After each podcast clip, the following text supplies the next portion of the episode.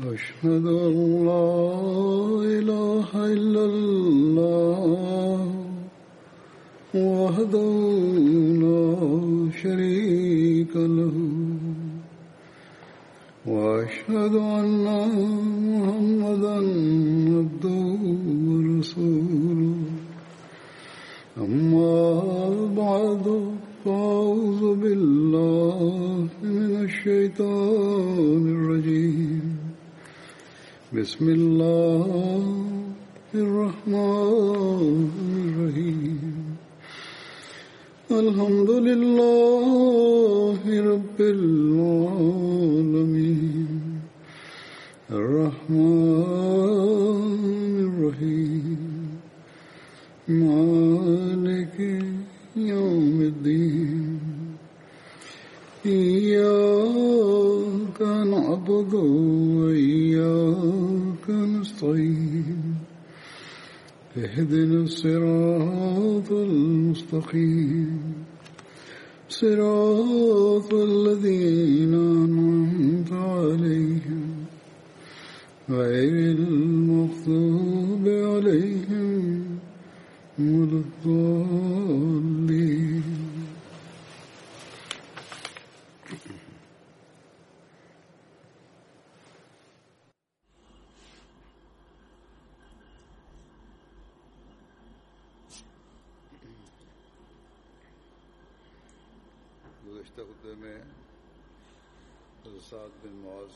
pada khutbah yang lalu telah disampaikan berkenaan dengan Hadrat Sa'ad bin Mu'az, radhiyallahu anhu.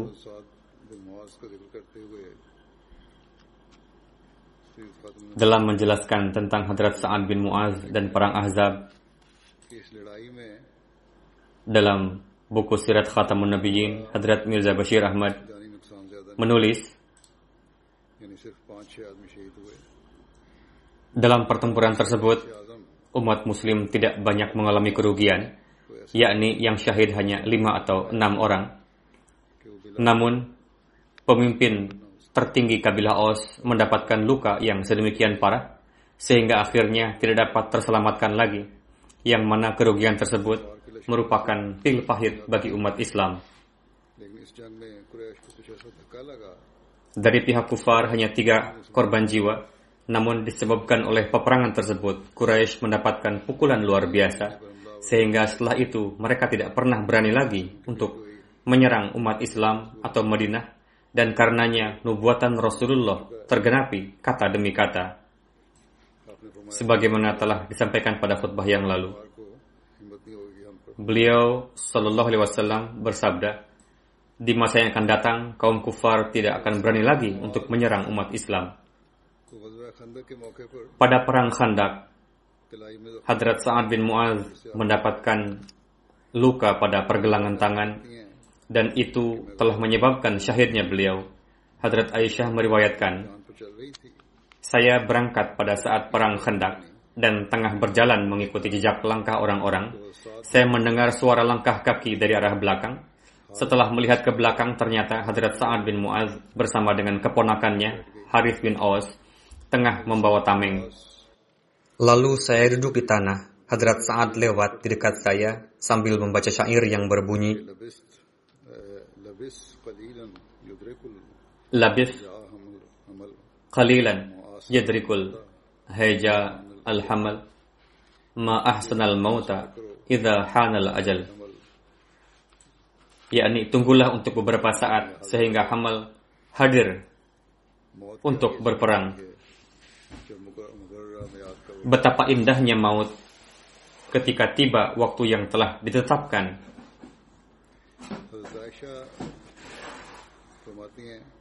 Hadrat Aisyah bersabda, di badan Hadrat Sa'ad bin Mu'az terdapat baju besi yang karenanya kedua sisi tubuh beliau nampak keluar, yakni disebabkan oleh tubuh yang besar dan lebar Badan pun nampak menonjol keluar. Saya merasa curiga. Kedua sisi tubuh Hadrat Sa'ad mengalami luka. Hadrat Sa'ad bin Mu'az termasuk salah satu orang yang berperawakan tinggi besar. Ibnu Arqah lah yang telah melukai beliau. Nama lengkap Ibnu Arqah adalah Haban bin Abdul Manaf. Ia berasal dari kabilah Amir bin Loi. Dan Arka adalah nama ayahnya.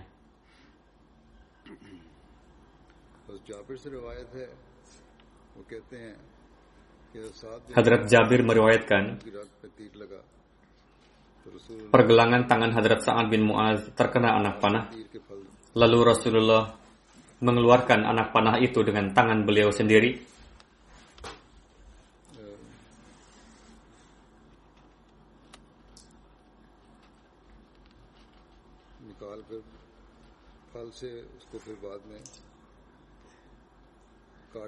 Setelah itu membuka luka काट कर दाग दिया फिर वो itu dengan ujung panah, lalu memberikan obat.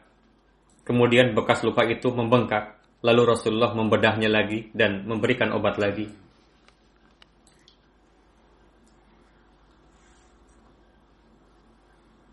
जो जख्म लगा था तीर के फल से ही उसको काटा और फिर दाग दिया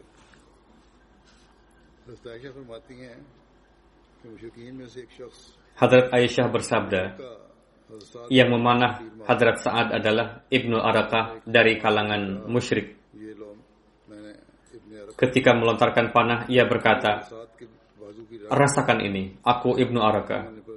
Anak panah tersebut mengenai pergelangan tangan Hadrat Sa'ad. Ketika terluka, beliau berdoa kepada Allah Ta'ala, Ya Allah, janganlah engkau cabut nyawaku sampai engkau menyelesaikan urusanku dengan Bani Quraizah.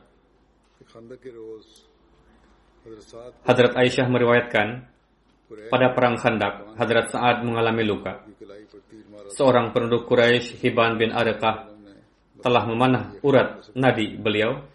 Rasulullah telah memerintahkan untuk membuat kemah untuk Hadrat Sa'ad di dekat masjid supaya dekat dan dapat menjenguk beliau. Hadrat Aisyah meriwayatkan, luka Hadrat Sa'ad sudah mulai mengering dan hampir membaik dan Hadrat Sa'ad berdoa, Ya Allah, sesungguhnya engkau mengetahui bahwa aku amat mencintai jihad melawan orang-orang yang mendustakan Rasulullah dan mengusirnya. Ya Allah, aku beranggapan bahwa engkau telah mengakhiri peperangan di antara kami dan mereka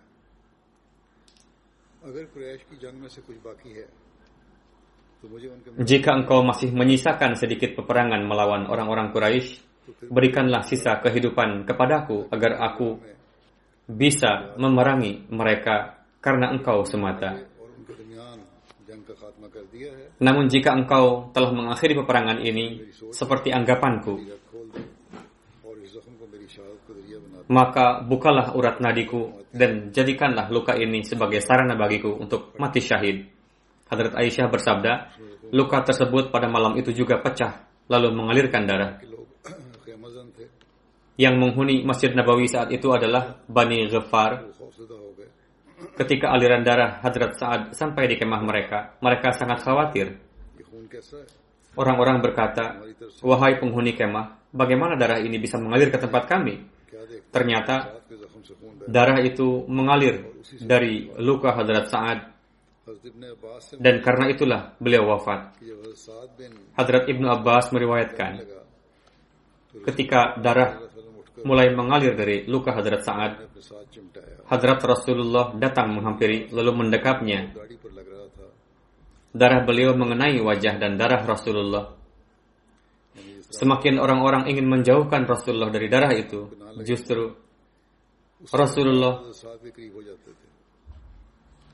malah semakin mendekat sampai akhirnya Hadrat saat wafat. Dalam riwayat lain dikatakan, ketika luka Hadrat saat pecah dan diketahui oleh Rasulullah Shallallahu Alaihi Wasallam, lalu Rasul pergi menghampiri Hadrat saat dan meletakkan kepala Hadrat saat di pangkuan Rasul lalu menutupi beliau dengan kain putih. Lalu Rasulullah berdoa, Ya. ya Allah, saat telah berjihad di jalanmu, membenarkan Rasulmu, dan telah memenuhi kewajibannya, maka terimalah ruhnya dengan sebaik-baiknya cara engkau menerima ruh. Ketika Hadrat Sa'ad mulai sadarkan diri, Hadrat Sa'ad mendengarkan ucapan Hadrat Rasulullah. Lalu beliau membuka mata dan berkata, Wahai Rasulullah, Sallallahu Alaihi Wasallam, semoga kedamaian tercurah kepada Tuhan. Aku menyaksikan bahwa Tuhan adalah Rasul Allah.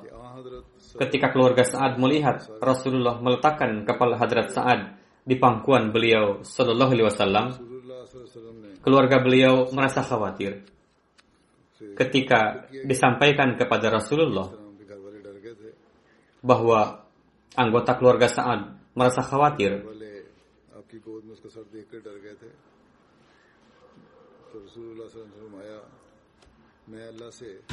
Rasulullah bersabda, Aku memohon kepada Allah, seperti hanya kalian saat ini berada di rumah, Semoga sebanyak itu pula lah malaikat hadir pada saat kewafatan Sa'ad. Rasulullah berdoa demikian. Hadrat Anas radhiyallahu anhu meriwayatkan Rasulullah mendapatkan hadiah sepotong kain, kain sutra yang sangat halus. Padahal Rasulullah melarang untuk mengenakan kain sutra. Setelah melihat kain tersebut, para sahabat terkejut. Rasulullah bersabda, Demi zat yang jiwa Muhammad berada di tangannya, sapu tangan Sa'ad bin Mu'az lebih indah lagi dari ini di surga. Hadis Bukhari. Ketika para sahabat melihat sehelai kain sutra di tangan Rasulullah, mereka berpikir mungkin kain tersebut akan dikenakan oleh Rasulullah karena Rasulullah telah melarangnya. Melihat hal itu, Rasulullah memberikan permisalan bahwa kalian merasa heran melihat hal ini bahkan menzahirkan rasa aneh. Pada hakikatnya jelas dari hadis lain seperti riwayat Muslim. Riwayatnya sebagai berikut. Hadrat Bara meriwayatkan, Rasulullah menerima hadiah sehelai kain sutra, lalu sahabat menyentuhnya dan menzahirkan ketakjuban atas kelembutan kain tersebut. Rasul bersabda, Apakah kalian merasa takjub dengan kelembutannya? Sesungguhnya sapu tangan Sa'ad di surga lebih baik dan lebih lembut lagi dari kain ini. Hadrat Jabir Dalu anhu meriwayatkan, saya mendengar Rasulullah pernah bersabda, Arash bergetar atas kewafatan Hadrat Sa'ad bin Mu'az. Bukhari.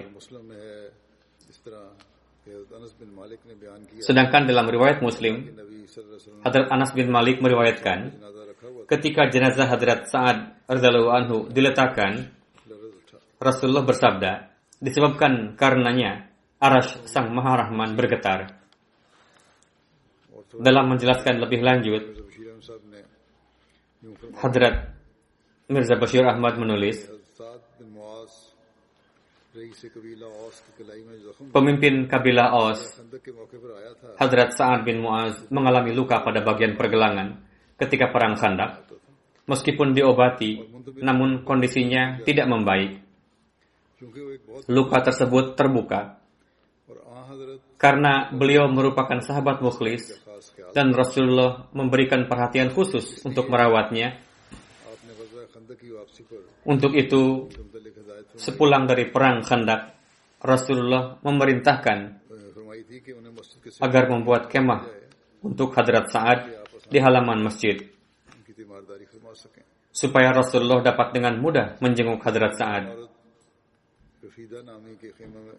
Hadrat Sa'ad ditempatkan di kemah seorang wanita muslim yang memiliki kemahiran dalam merawat pasien yakni ditempatkan di kemah di mana pasien dirawat di dalamnya. Dan pada umumnya umat muslim memasang kemah-kemah di halaman masjid untuk mengobati umat muslim yang terluka. Namun meskipun mendapatkan perhatian khusus, kondisi Hadrat saat tak kunjung baik. Pada saat itu jugalah terjadi peristiwa Banu Quraizah yang karenanya Hadrat saat terpaksa harus bertahan dari upaya gigih yang luar biasa sehingga kondisi beliau semakin lemah. Pada masa itu, Hadrat Sa'ad memanjatkan doa dengan penuh rintihan. Doanya berbunyi, Ya Allah, sesungguhnya engkau tahu bahwa aku amat mencintai jihad melawan orang-orang yang mendustakan Rasulullah dan mengusirnya.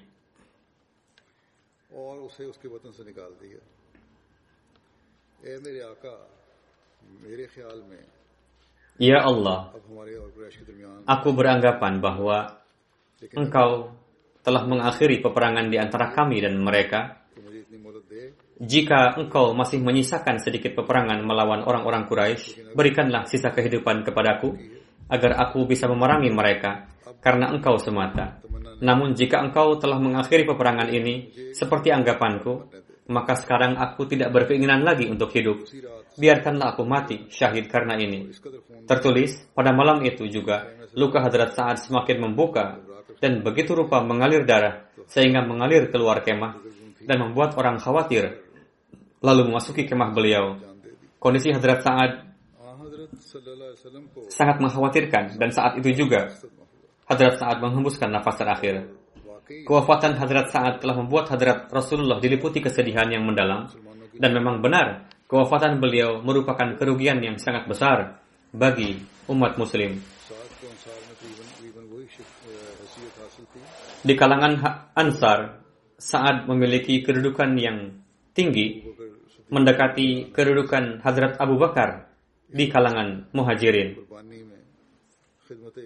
Beliau memiliki martabat yang tinggi dalam keikhlasan, pengorbanan, pengkhidmatan terhadap Islam, dan juga dalam kecintaan terhadap Rasul, yang mana martabat seperti itu sangat jarang yang meraihnya. Dari sikap dan perbuatan beliau, zahir rasa cinta terhadap Islam dan pendiri Islam sudah menjadi asupan makanan bagi ruhnya. Disebabkan beliau merupakan pemimpin dalam kabilahnya, sehingga teladannya memiliki pengaruh yang dalam di kalangan Ansar. Kesedihan Rasulullah atas putra rohani yang luar biasa seperti ini merupakan perkara yang wajar. Namun Rasulullah tetap bersabar dan ridho sepenuhnya atas kehendak Tuhan. Ketika jenazah saat diangkat, didasari rasa cinta ibunda Hazrat Sa'ad yang sudah tua, bersuara tinggi dan sesuai dengan tradisi pada masa itu, yakni Noha, disampaikan beberapa keistimewaan Sa'ad. Rasulullah mendengarkan suara teriakan itu, yakni suara Noha tadi, dan meskipun Rasulullah pada prinsipnya tidak menyukai tradisi Noha yang dilakukan oleh ibunda namun, apa yang dilakukan oleh Ibunda Hadrat saat itu adalah benar. Dan bersabda para wanita yang melakukan noha biasanya banyak berdusta. Namun apa yang dikatakan oleh ibunda Sa'ad adalah benar. Yakni keistimewaan yang disebutkan oleh ibunda Sa'ad semuanya adalah benar. Setelah itu Rasulullah memimpin salat jenazah dan ikut serta untuk memakamkan dan menunggu di, di sana sampai kuburan siap. Setelah doa beliau setelah doa beliau kembali pulang. Pada saat itu lebih kurang beliau mengatakan Ihtazza arsyur rahmani limuti sa'ad yakni disebabkan oleh kewafatan Sa'ad, Arash Tuhan yang Maha Rahman bergetar, yakni di alam akhirat, rahmat ilahi menyambut ruh Sa'ad dengan penuh bahagia. Setelah berlalu beberapa waktu, ketika Rasulullah mendapatkan hadiah sehelai kain sutra dari seseorang, setelah melihatnya, beberapa sahabat menyatakan keheranannya akan kelembutan kain tersebut dan menganggapnya sebagai sesuatu yang luar biasa. Rasulullah bersabda, "Apakah kalian merasa takjub dengan kelembutan kain ini? Demi Tuhan, di surga kain saat jauh lebih lembut dan indah daripada kain ini." Pada hadis sebelumnya disebutkan sapu tangan, sedangkan Hadrat Mirza Bashir Ahmad menerjemahkan kain cadar di sini. Dari sisi bahasa Arab, kata tersebut berarti juga kain. Ibunda Hadrat Sa'ad sambil bersedih membacakan syair berikut. Wailun ummi sa'adin sa'ada bara'atin wajda ba'da ayadin ya'lahu wa majda. Muqaddaman sadda bihi musadda. Ibunda Sa'ad sangat terpukul dengan kewafatan Hadrat Sa'ad, seorang figur pemberani dan cerdas, dan perwujudan kemuliaan. Betapa mulianya beliau, seorang pemimpin yang telah memenuhi kekosongan. Rasulullah bersabda, Kullul bawaki yakzibna illa umma sa'ad. Setiap orang yang menangisi atau noha, orang yang wafat, berkata dusta dan melebih-lebihkan, kecuali ibunda Sa'ad. Tabakatul Kubro. Hadrat Sa'ad berperawakan besar. Ketika jenazah beliau diangkat, kami tidak merasakan orang-orang munafik mengatakan kami tidak merasakan begitu ringannya seorang jenazah seperti hal halnya saat. Itu diucapkan terus, yakni disebabkan oleh keputusan yang Hadrat Sa'ad berikan berkenaan dengan Banu Quraizah, yakni mereka ucapkan itu dalam corak negatif.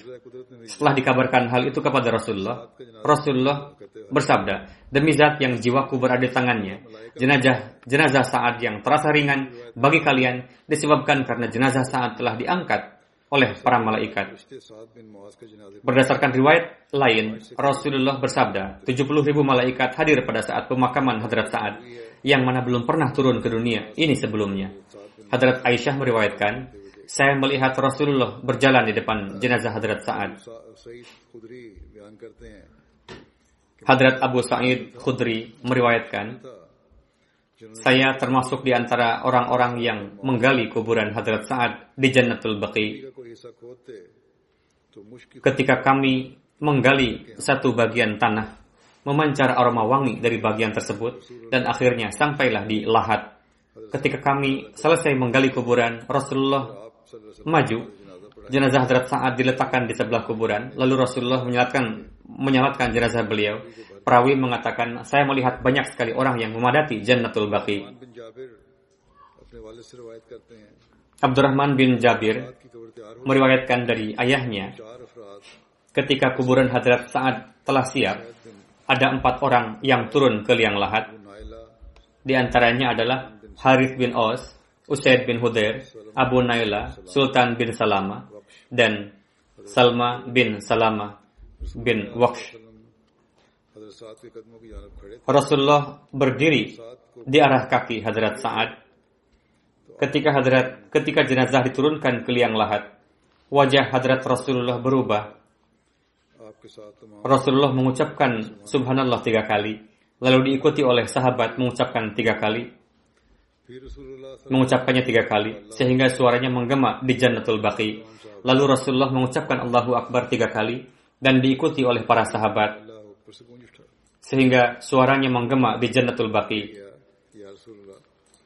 Lalu ditanyakan kepada Rasulullah, Wahai Rasulullah, kami melihat rona wajah huzur berubah dan huzur mengucapkan subhanallah tiga kali. Apa sebenarnya?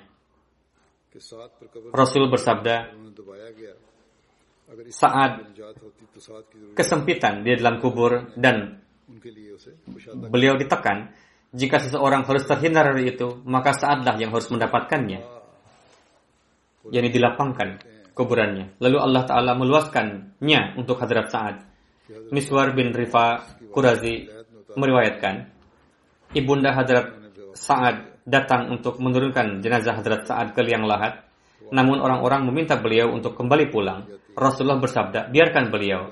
Lalu ibunda beliau menghampiri dan sebelum memasukkan bata dan tanah ke dalam kubur, ibunda Hadrat Sa'ad melihat Hadrat Sa'ad di dalam lahat lalu berkata, Aku yakin kamu berada di sisi Tuhan.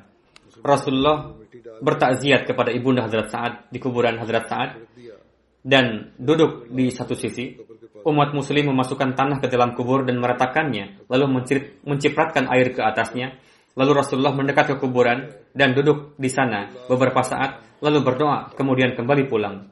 Hadrat Aisyah meriwayatkan, umat muslim tidak merasakan kehilangan yang sedemikian mendalam di atas kehilangan siapa pun selain dari Hadrat Sa'ad bin Mu'az setelah terlebih dahulu kehilangan Rasulullah. Hadrat Abu Bakar dan Hadrat Umar. Ketika wafat, Hadrat Sa'ad berusia 37 tahun. Rasulullah bersabda kepada Ibunda Hadrat Sa'ad, apakah Anda kesedihan? Apakah kesedihan Anda tidak akan berakhir dan air mata Anda tidak akan mengering karena putra Anda merupakan orang pertama yang baginya Allah tersenyum, yang untuknya juga aras bergetar. Setelah Hadrat Rasulullah menguburkan, menguburkan Hazrat Sa'ad dan kembali dari pemakaman, air mata Rasulullah mengalir sampai ke janggut beliau. Dalam sebuah riwayat diterangkan bahwa Hazrat Sa'ad berkata bahwa tak diragukan bahwa aku adalah seorang yang lemah. Namun ada tiga hal di dalam diriku yang sangat kuat dan tak tergoyahkan yang selalu aku amalkan.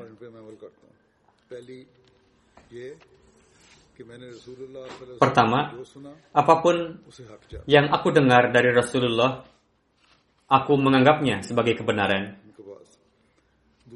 Yakni beliau tidak pernah menolaknya. Kedua, aku tidak membiarkan khayalan lain masuk dalam salatku sampai aku menyelesaikan salatku.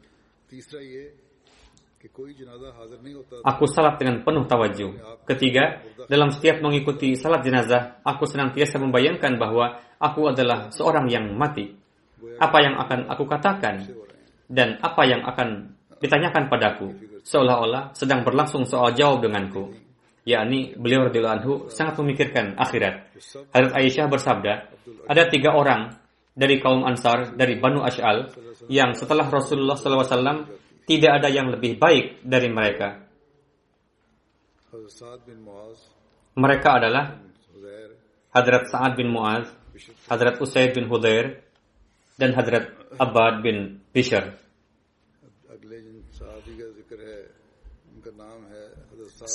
Sahabat selanjutnya yang akan disampaikan adalah Hadrat Sa'ad bin Abi Waqas radhiyallahu anhu. Hadrat Sa'ad bin Abi Waqas bergelar Abu Ishaq ayah beliau bernama Malik bin Uhayb. Sementara dalam riwayat lain diterangkan bahwa ayah beliau bernama Malik bin Wahib. Ayah beliau lebih di, dikenal dengan nama panggilannya Abi Waqas. Itulah sebabnya nama beliau Sa'ad bin Abi Waqas. Ibu beliau bernama Hamna binti Sufyan. Hadrat Sa'ad bin Abi Waqas berasal dari kabilah Quraisy Banu Zora. Hadrat Sa'ad bin Abi Waqqas adalah salah satu dari sepuluh sahabat yang di masa kehidupannya Rasulullah telah memberikan kabar suka akan surga. Sepuluh sahabat itu disebut Ashraf Mubasyarah dan Hadrat Sa'ad bin Abi Waqqas adalah yang paling terakhir wafat dari antara sepuluh sahabat tersebut.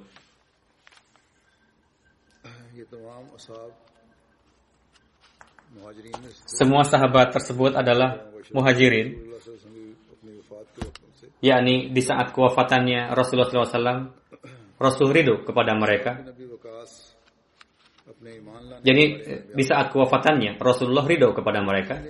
Berkaitan dengan kisah berimannya Hadrat Sa'ad bin Abi Waqqas, menyampaikan bahwa saat itu belum ada yang masuk Islam, namun pada hari aku menerima Islam dan sampai tujuh hari keadaannya adalah aku adalah sepertiga dari umat Islam. Yakni saat itu baru ada tiga muslim. Beliau menjelaskan bahwa aku masuk Islam sebelum salat diwajibkan. Berkaitan dengan masuknya Islam, masuk Islamnya Hadrat Sa'ad bin Abi Waqqas, putri beliau menuturkan Hadrat Sa'ad bin Abi Waqas menyampaikan, Aku melihat dalam mimpi bahwa aku berada dalam kegelapan dan aku tidak bisa melihat apa pun.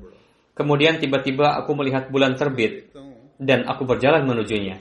Aku melihat bahwa Hadrat Sa'ad bin Harithah, Hadrat Ali dan Hadrat Abu Bakar sedang menuju ke sana sebelumku. Aku bertanya kepada mereka, kapan Anda sekalian sampai di sini? Mereka menjawab, kami juga baru sampai. Hadrat Sa'ad bin Abi Waqqas bersabda bahwa aku sudah mendapatkan kabar bahwa Rasulullah mengajak ke arah Islam secara sembunyi-sembunyi. Dengan demikian, aku berjumpa dengan beliau di Shob, lembah Ajiad. Ajiad adalah nama sebuah tempat di Mekah dekat Bukit Safa, di mana Rasulullah menggembala kambing-kambingnya. Aku sampai di sana ketika beliau SAW Selesai salat asar, lalu aku bayat masuk Islam. Putri Hadrat Sa'ad bin Abi Waqas Aisyah meriwayatkan, aku mendengar ayahku berkata bahwa aku masuk Islam ketika aku berumur 17 tahun. Dalam riwayat juga dijelaskan bahwa pada saat beriman, umur beliau 19 tahun. Di antara orang-orang paling awal masuk Islam, ada lima orang yang di dalam Islam termasuk sahabat-sahabat yang terhormat dan terpandang. Di antaranya yang ketiga adalah Hadrat Sa'ad bin Abi Waqas. Berdasarkan yang tertulis dan yang dijelaskan dalam buku Sirat Khatamun Nabiin, Hadrat Sa'ad bin Abi Waqas saat itu benar-benar masih muda, yakni saat itu umur beliau masih 19 tahun. Beliau berasal dari Banu Zuhra. Beliau sangat pemberani dan kesatria. Di zaman Hazrat Umar, Irak dikuasai melalui tangan beliau dan beliau wafat di zaman akhir Amir Um Muawiyah. Hadrat Sa'ad bin Abi Waqas banyak sekali meriwayatkan hadis dari Rasulullah. Putra Hadrat Sa'ad bin Abi Waqas, Mus'ab meriwayatkan bahwa ayahku Sa'ad menyampaikan padaku bahwa ibuku, yakni ibu Hadrat Sa'ad bin Abi Waqas, dulu pernah bersumpah bahwa dia tidak akan pernah bicara dengan Hadrat Sa'ad sebelum beliau mau meninggal, meninggalkan Islam, yakni berpaling dari Islam. Dengan demikian, ibu beliau tidak makan, tidak minum. Hadrat Sa'ad bin Abi Waqqas berkata, Ibuku berkata, Allah Ta'ala menekankan padamu untuk berbuat baik pada orang tua. Kamu yang berkata seperti itu, bukan agamamu yang berkata bahwa Tuhan berfirman, berbuat baiklah kepada kedua orang tua, yakni ada penekanan dalam hal ini. Aku ibumu, dan aku memerintahkanmu untuk meninggalkan agamamu. Dan taatilah apa yang aku katakan. Perawi berkata, Ibu Hadrat Sa'ad Abi Waqas seperti itu sampai tiga hari. Sampai-sampai karena lemah, dia pingsan. Kemudian anaknya yang bernama Umarah berdiri dan memberinya minum. Kemudian ketika sudah sadar, dia mulai mendoakan keburukan untuk Hadrat Sa'ad. Pada saat itulah Allah Ta'ala menurunkan ayat, وَوَصَّيْنَا insana biwalidaihi husna. Yakni kami mewasiatkan umat manusia untuk berbuat baik pada orang tua.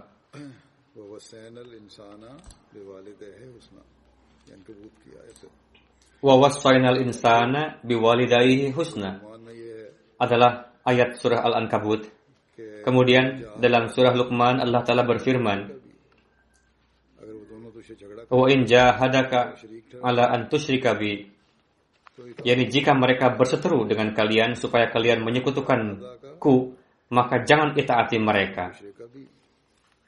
Wa in jahadaka ala an Allah Ta'ala berfirman, yakni apabila mereka berkata pada kalian untuk menyekutukanku, maka janganlah kalian turuti mereka.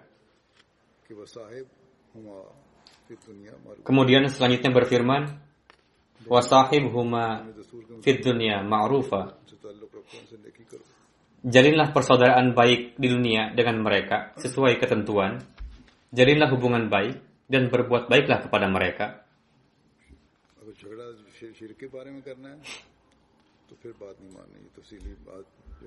Hadrat Sa'ad bin Abi Waqas bersabda,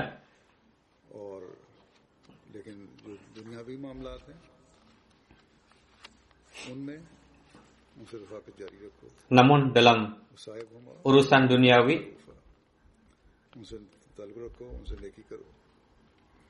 teruslah jalin hubungan baik dengan orang tua. Berbuat baiklah kepada mereka. Hadrat Sa'ad bin Abi Waqas bersabda Aku sangat mencintai ibuku. Riwayat yang pertama tadi adalah dari Sahih Muslim. Kemudian dalam sirat tertulis bahwa dari sumber lain, Hadrat Sa'ad bin Abi Waqas bersabda, Aku sangat mencintai ibuku. Namun ketika aku menerima Islam, ibuku berkata, agama macam apa yang kamu peluk ini? Kamu pilih antara meninggalkan agamamu atau aku tidak akan makan minum sampai aku mati. Hadrat Sa'ad bin Abi Waqqas berkata, Aku berkata pada ibuku, Wahai ibuku tercinta, jangan lakukan ini, karena aku tidak akan meninggalkan agamaku. Hadrat Sa'ad bin Abi Waqqas bersabda, Satu hari, satu malam, ibuku tidak makan dan minum. Dan kondisinya mulai memburuk. Aku berkata padanya, Demi Allah, kalaupun engkau memiliki seribu nyawa, dan nyawa itu keluar satu persatu, maka tetap saja aku tidak akan meninggalkan agamaku demi apa pun. Ketika ibu beliau melihat ini, keteguhan Hadrat Sa'ad bin Abi Waqas, maka dia mulai makan dan minum. Pada saat itu Allah Ta'ala ber, berfirman, Wa in jahadaka ala antushrika bi ma laisa laka bihi ilmun, fala wa sahibhuma fid dunya ma'rufa. yakni jika mereka berbantah dengan kalian supaya kalian menyekutukanku dengan yang mengenainya kalian tidak tahu apa-apa? Ma salah kabihi bihi ilm. Fala tuti'huma. Maka jangan taati mereka. Ya dalam urusan duniawi jalinlah hubungan baik dengan mereka. Rasulullah Sallallahu Alaihi Wasallam biasa memanggil paman kepada Hadrat Sa'ad bin Abi Waqas. Suatu kali Hadrat Sa'ad bin Abi Waqas lewat di depan beliau. Maka Rasulullah bersabda, ini adalah pamanku dari pihak ibu. Yani siapa yang punya paman seperti ini? Siapa yang punya paman seperti ini? Coba tunjukkan. Imam Tirmizi menjelaskan kenapa Hadrat Sa'ad bin Abi Waqas merupakan paman Rasulullah SAW. Ibunda Rasulullah berasal dari Banu, Banu Zuhra dan Hadrat Sa'ad bin Abi Waqas juga berasal dari Banu Zuhra. Hadrat Abu Hurairah meriwayatkan, ketika Rasulullah berada di Gunung Hiram, Hira, mulai berguncang. Gunung Hira mulai berguncang.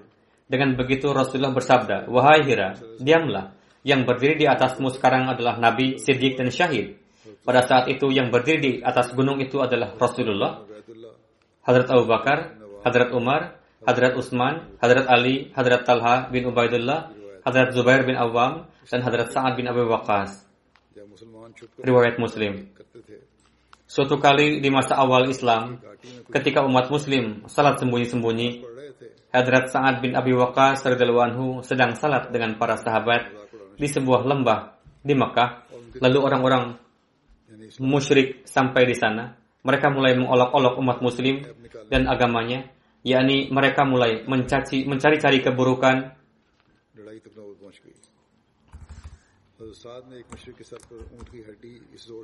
yakni mereka ingin mencari-cari keburukan Islam sampai-sampai terjadi perkelahian. Hadrat Sa'ad bin Abi Waqqas memukul ke kepala seorang musyrik dengan tulang unta dengan sangat keras sehingga kepalanya pecah. Jadi ini adalah darah pertama yang mengalir darah mengalir dalam sejarah Islam.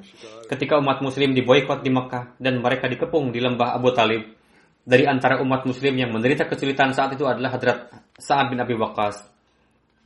Berkaitan dengan ini, Hadrat Sahib Zada Mirza Bashir Ahmad इसका जिक्र करते हुए कि खत्म नबी menulis dalam Sirat Khatamun Nabiyyin शीर साहब ने इस तरह लिखा है कि जो जो मसाइब और सख्तियां उन अयाम में इन मासूमिन को उठानी पड़ी उनका हाल पड़ा musibah-musibah dan kesulitan-kesulitan yang diderita oleh orang-orang yang diboikat pada saat itu sedemikian rupa sehingga dengan membaca kisahnya membuat badan gemetar.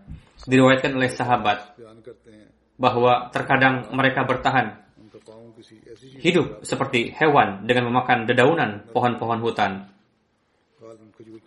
Sa'ad bin Waqas bin Abi Waqqas meriwayatkan, suatu kali pada malam hari kaki beliau menyentuh suatu benda yang lunak, mungkin potongan kurma. Saat itu beliau begitu laparnya sehingga beliau langsung memakannya.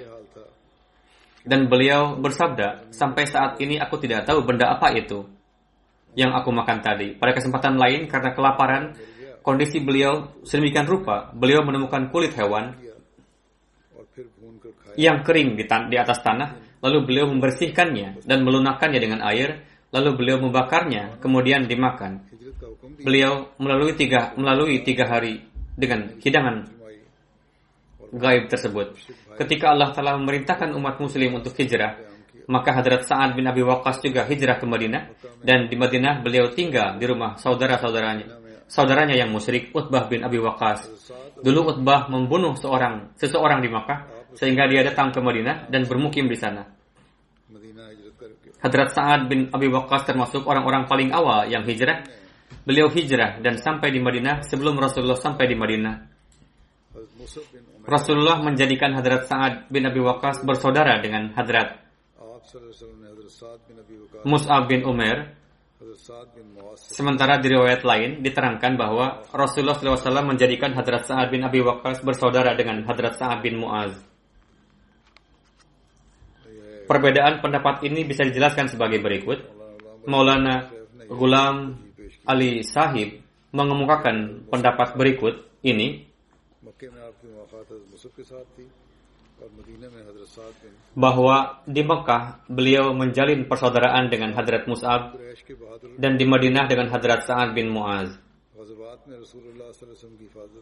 Hadrat Sa'ad adalah salah satu penunggang kuda Quraisy yang pemberani dalam berbagai peperangan di antara para sahabat yang diberikan tanggung jawab untuk melindungi dan mempertahankan Rasulullah, salah satunya adalah Hazrat Sa'ad bin Abi Waqqas. Abu Ishaq meriwayatkan bahwa di antara para sahabat Rasulullah ada empat orang sahabat yang merupakan penyerang yang sangat hebat, yaitu Hazrat Umar, Hazrat Ali, Hazrat Zubair, dan Hazrat Sa'ad. Setelah hijrah ke Madinah, orang-orang Islam selalu dibayangi rasa ketakutan dan kekhawatiran akan terjadinya serangan dari kaum kufar yang karenanya di masa-masa awal orang-orang Islam banyak terjaga pada malam hari dan Rasulullah pun pada umumnya terjaga pada malam hari. Mengenai hal itu terdapat satu riwayat. Hadrat Aisyah meriwayatkan bahwa pada masa awal kedatangan ke Madinah, pada suatu malam Rasulullah tidak bisa tidur. Maka Rasulullah bersabda, Seandainya saja ada salah seorang yang soleh di antara para sahabatku yang menjagaku malam ini. Hadrat Aisyah meriwayatkan bahwa dalam kondisi demikian kami mendengar suara senjata. Hadrat Rasulullah bersabda, siapa itu? Dari luar terdengar suara, yakni orang yang datang itu menjawab bahwa saya Sa'ad bin Abi Waqas, Rasulullah bersabda kepada beliau, Bagaimana kamu bisa datang kemari? Hadrat Sa'ad menjawab, Di dalam hati saya timbul kekhawatiran mengenai Rasulullah. Oleh karena itu, saya datang untuk menjaga hudur. Rasulullah mendoakan saat lalu tidur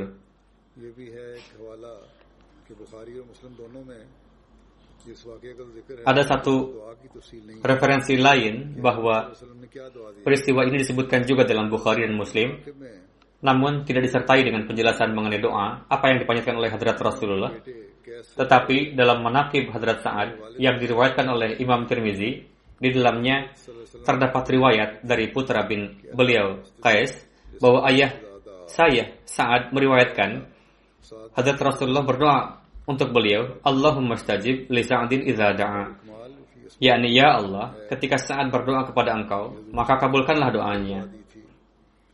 Dan dalam Ikmal fi Asma'ir Rijal disebutkan bahwa Rasulullah SAW mendoakan beliau sebagai berikut, Allahumma saddid sahmahu wa, wa ajib da'watahu. Ya Allah, jadikanlah anak panahnya tepat kesasaran dan kabulkanlah doanya. Dikarenakan doa Rasulullah ini, Hadrat Sa'ad bin Abi Waqas terkenal dikarenakan pengabulan doa. Hadrat Sa'ad bin Abi Waqas adalah seorang yang doanya mustajab. Ada seorang yang berbohong kepada beliau, maka beliau mendoakan orang itu, Ya Allah, jika orang ini berkata dusta, maka hilangkanlah penglihatannya dan panjangkanlah umurnya dan jerumuskanlah ia ke dalam fitnah.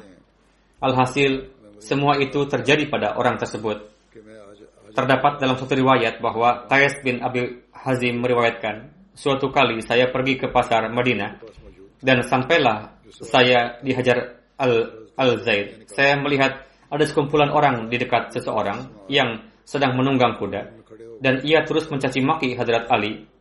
Tidak lama kemudian datanglah Hadrat Sa'ad bin Abi Waqqas ke sana dan berdiri di antara mereka dan menanyakan kepada mereka mengenai apa yang terjadi. Orang-orang menjawab bahwa orang ini terus mencaci maki Hadrat Ali.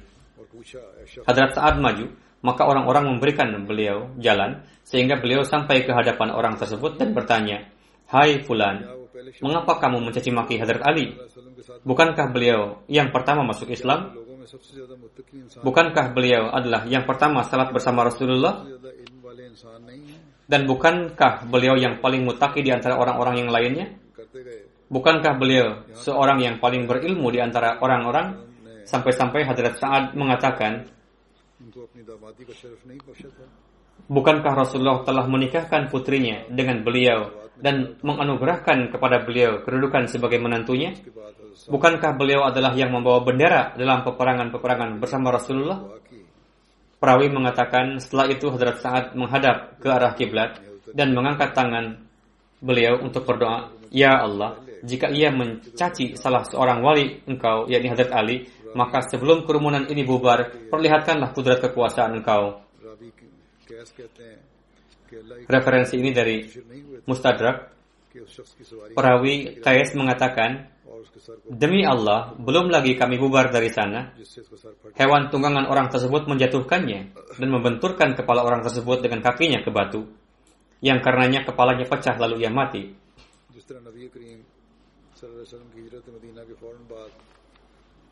Sebagaimana setelah hijrahnya Rasulullah ke Madinah, Hadrat Sa'ad berjaga pada malam hari.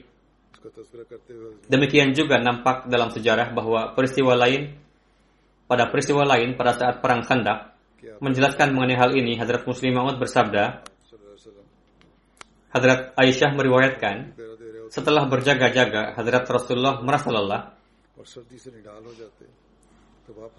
Sebagaimana para sahabat melakukan penjagaan, demikian pula Rasulullah melakukan penjagaan dan merasa letih dikarenakan udara yang dingin.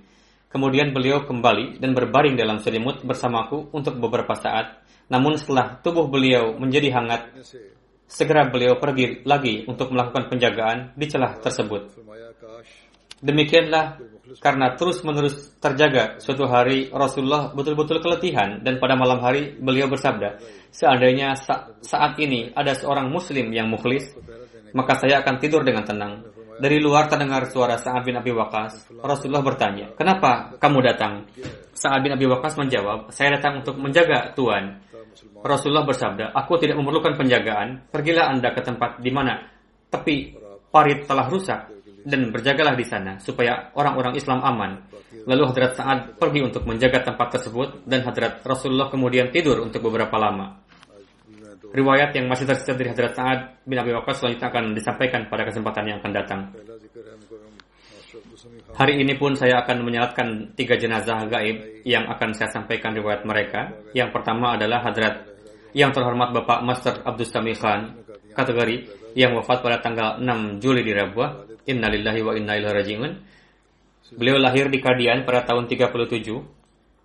Ayahanda beliau Bapak Abdurrahim Khatgari adalah salah seorang pengkhidmat jemaat di masa dulu. Kakek beliau Hadrat Chaudhry Abdul Salam Khan Khatgari pada tahun 03 mendapatkan karunia bayat di tangan beberkat Hadrat Masih Maud salam.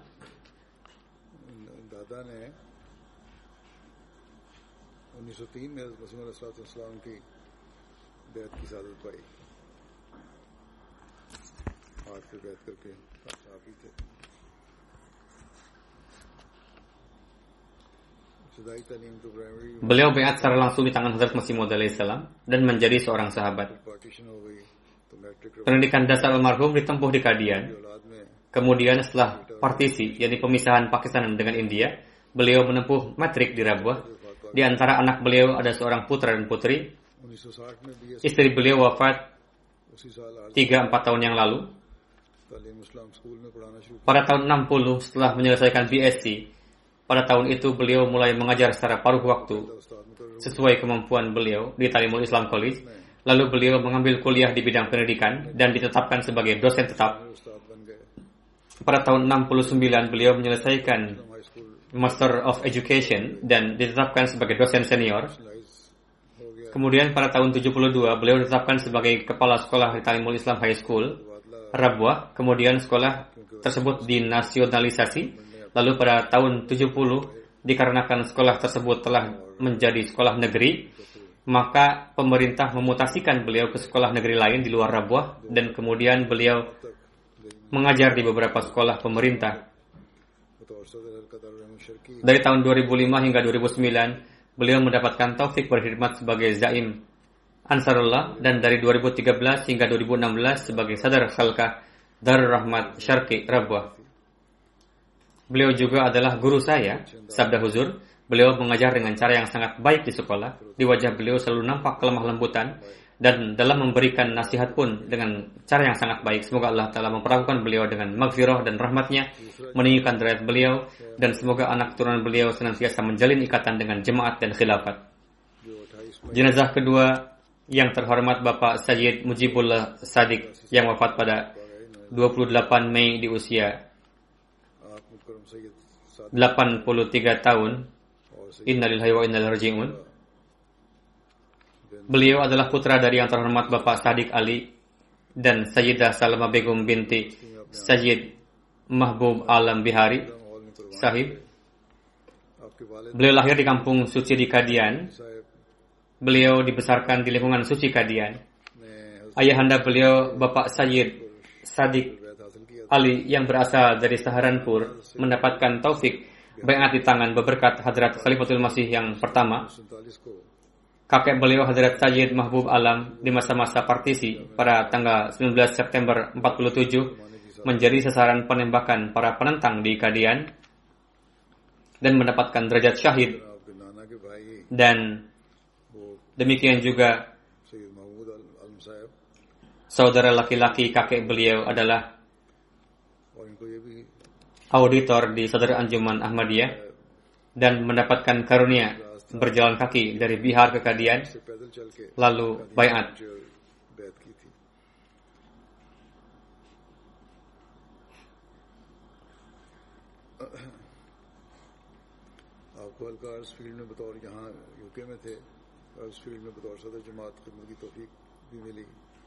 almarhum mendapatkan taufik berkhidmat sebagai ketua jemaat तर मैं Archfield di UK. Kemudian setelah pensiun almarhum berkhidmat sebagai karyawan sukarela di kantor Amir Nasional. Duty अदा करते थे और हमेशा Almarhum Oh selama 16 tahun, almarhum seseorang yang tulus dalam mengerjakan tugas-tugasnya dan selalu nampak kelemah lembutan di wajah beliau. तबीयत थी और अ, काम पूरी तवज्जो से करते कहीं कोई seorang yang humoris dan bekerja dengan fokus, tidak pernah membebani orang lain dan membuat orang lain resah. Almarhum selalu berusaha sebanyak mungkin mengerjakan sendiri pekerjaan-pekerjaan orang lain. Beliau menikah di Rabuah dengan yang terhormat Ibu Aisyah Sadikah binti Babu Muhammad Alam, seorang pensiunan kepala stasiun kereta api dan pada tahun 68 istri beliau juga mendapatkan taufik berkhidmat di berbagai departemen lajnah di Rabuah. Beliau mempunyai dua orang putra dan dua orang putri. Seorang putra beliau Bapak Dr. Kalimullah Sadik cukup banyak berkhidmat secara sukarela di MTA. Dengan karunia Allah Ta'ala almarhum seorang yang sangat rajin tahajud Beliau pernah pergi umroh. Beliau menderita sakit di lutut beliau. Istri beliau mengatakan bahwa meskipun disediakan kursi roda, almarhum selalu mengatakan bahwa saya ingin mengambil pahala dari umroh saya. Oleh karena itu, saya akan berjalan. Demikian juga beliau sangat memperhatikan candah beliau. Anak-anak beliau serta yang lainnya cukup banyak yang menulis surat kepada saya, menuturkan kelebihan-kelebihan beliau. anak-anak beliau pun menuliskan sifat-sifat istimewa beliau dan sebagaimana Masya Allah anak-anak beliau begitu melekat dengan jemaat dari hal ini nampak bahwa beliau telah menumbuhkan kecintaan terhadap khilafat dan jemaat di hati anak-anak beliau dan memberikan terbiat dengan standar yang tinggi. Namun sebagaimana Hadrat Rasulullah SAW bersabda bahwa para tetangga dan orang-orang yang bergaul dengannya lah yang merupakan saksi kehidup sesungguhnya dari kebaikan-kebaikan seseorang dan hal ini tergenapi dalam diri almarhum.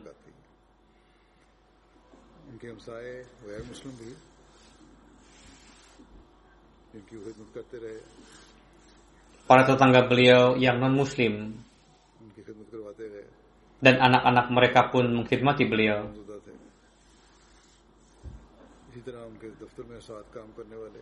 Dan mereka begitu berduka atas kewafatan beliau. Demikian juga teman-teman sekantor beliau. Setiap orang menyebutkan secara khusus mengenai sifat humoris dan kerja keras serta keseriusan beliau dalam bekerja.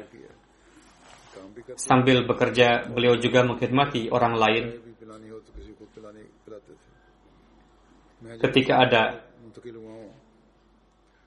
Ketika ada yang ingin minum cair maka beliau buatkan. Ketika saya pindah ke Islamabad pada tahun lalu,